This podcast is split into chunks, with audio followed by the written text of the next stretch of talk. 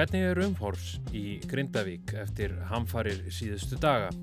Benedikt Sigursson segir frá upplifun sinni af bæjarfélaginu sem náttúruöflin hafa leikið grátt. Þetta eru sjö mínútur með frettastofur úf. Í dag er miðugudagurinn 17. janúar. Ég heiti Freyr Gíja Gunnarsson.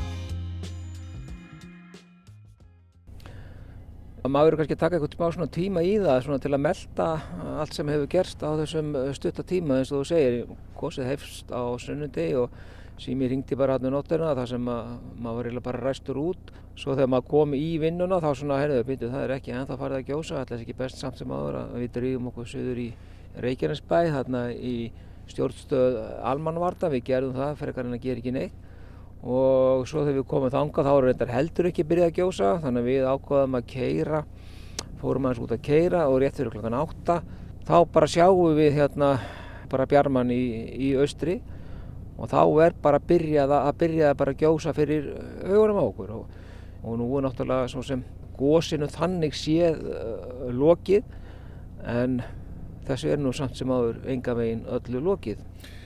Menn hafa talað um það að að í góðsinn og sunnudag hafi svona svartasta sviðsmyndin raungerst. Til hvers eru menna að vísa? Þegar við komum hérna í hátteginu á uh, sunnudag þá sáum við hvar góðsi var og þá sáum við þessa varnagarði eða leiðigarða eh, sem er nú kannski réttar að kalla þetta að þeir voru að virka mjög vel og maður sér það núna uh, þegar maður horfir á þetta raunni storknað sem liggur allt hann að vestamein við bæinn að hefðu þessi leiðikarðar ekki komið til þá svona, þá svona kvarlar að manni að, að þessi tunga sem náði þarna niður, hún hefði sennilega náð uh, inn í uh, bæin.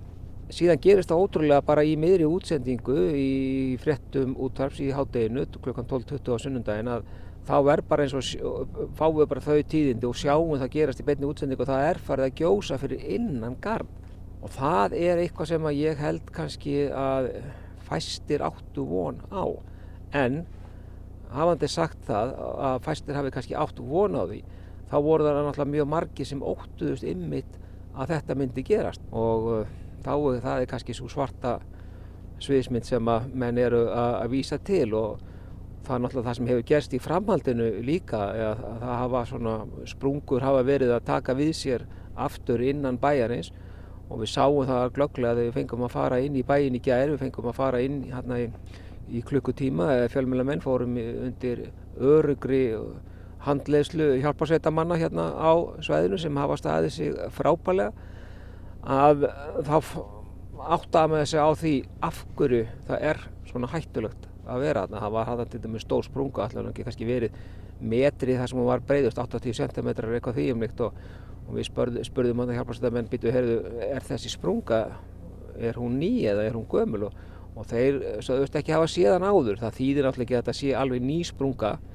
en það var alveg klárt mál að, að þetta var sprunga og hún var hættuleg. Og, og kannski svo hugsun sem leitaði á mann akkurat þarna, svona í ljósi þess sem að uh, gerðist í fyrri viku að þá fór maður að velta því fyrir sér og spyrja sjálf sem býtu, hörruðu, þú stendur hérna nálagt sprungu og þú veist á hverju þú stendur en er maður alveg örugur að maður hafi almenlega fótfestu eða er hugsalega bara eitthvað holrými þarna undir og það gerði vistina í Grindavík í gær svolítið óþægilega. Eh, þú varst að fylgjast með í gær uh, þegar fólk var að koma með liklana sína. Hvað er það að gera þetta? Ég er að aðfenda likla svo að píparinn geta komist inn og aðtöða með lagnir og annað, hvert það segir lægi. Það var uh, nokkuð tilfinningaþrungi að standa hann og sjá hvernig fólk uh, talaði saman og faðmaðist og svona stappaði stálunni hvert í annað. En uh, fólk var að koma með liklana einfallega til þess að þeir viðnaðamenn sem eru í Grindavík geti farið inn í hús þeirra og aðtöða hvort að allt er í lægi. Það er búið að vera skrampi kallt hérna, norðanátt og frost. Þannig að uh, eh, pípulagningamistari sem ég talaði við á mánundagsmorgun, hann sagði mér að þetta væru svona tveir sólarhingar sem að hús þyldi áður en að það geti farið að frjósa í lögnum og, og skemmtir verða þannig að það hefur svo sem bara maður gengið undir mannshönd við að reyna að koma í veg fyrir að, að þau ósköp myndu dinja yfir ofan á allt annað Landris, það verðist vera hafið á ný og þessum jarðhræringum er, er hvergi næri lokið en uh, nú er þetta verið frekar reglulegur viðbörður frá 10. november sérska báta á mánuðafresti þannig að það er spurning hvort við séum að horfa upp á það.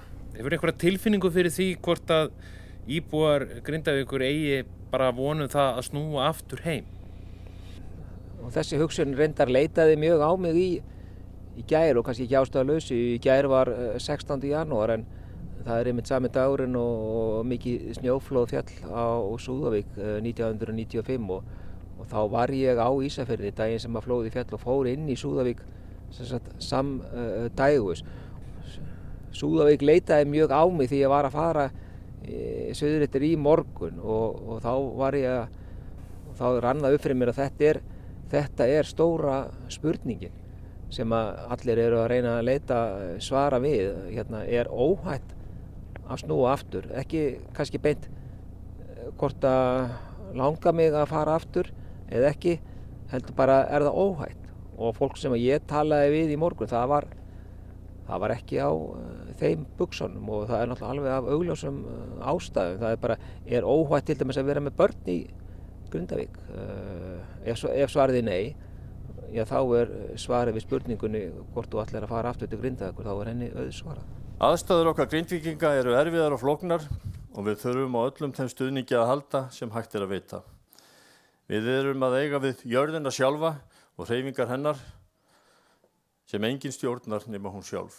Sagði Fannar Jónasson, bæjarstjóri Grindavíkur. Við minnum á að hægt er að nálgast allar frettir af stöðinni í Grindavík á öllum miðlum rúf, á vefnum okkar, í útvarpi, sjónvarpi og samfélagsmiðlum. Næsti þáttur er á förstu dag, veriði sæl.